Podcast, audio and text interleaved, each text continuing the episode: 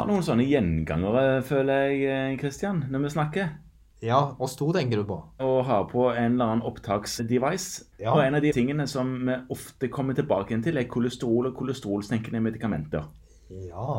For vi har snakket om det, og vi har snakket om kolesterol og LDL og HDL, om det ene med det andre. og vi har snakket om kombinasjoner, og vi har snakket om familiær hyperkolesterolemi. Og nå er det en ny medisin som er kommet etter at en kombinasjon forsvant. Ja, vi hadde jo før disse kombinasjonene av et statin og esetimib. Ja, Og så av rene prishensyn, tenker jeg, Ja. kan si, Ja. så forsvant de.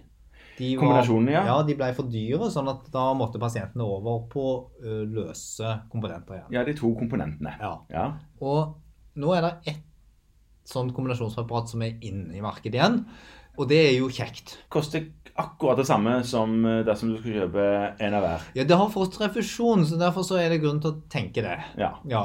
Det som er ulempen med det, da, for å si det sånn, det er jo det at refusjonskritt inneholder da rovustatin Ja. og esetimib. Ja.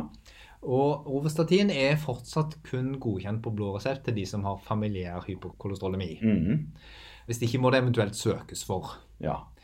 Men, men den gode nyheten er altså at du kan nå, for disse som står på Rovastatin, så kan du nå få det i kombinasjon med esetimib for å få de ned det siste, lille ekstra.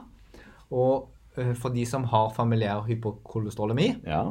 så er det da sånn at dette er nå forhåndsgodkjent på blå resept.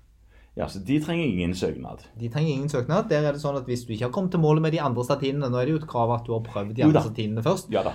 eh, Så er det i hvert fall sånn at du kan si at de som du har, som har fått godkjent rovostatin nå, Mm. eller som har god grunn til å ha det på blå resept, Ja. de, de kan du nå, hvis du trenger det, så kan du få lagt til CTMI på en veldig grei måte. Ja.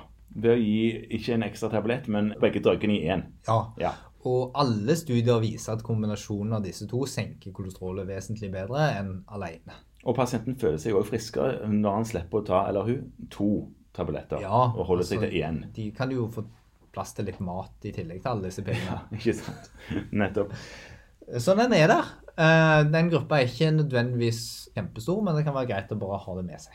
Ja, absolutt greit å vite. Nettopp fordi man eh, føler seg bedre når man slipper å ta en neve med medisiner om morgenen. Ikke sant? Ja.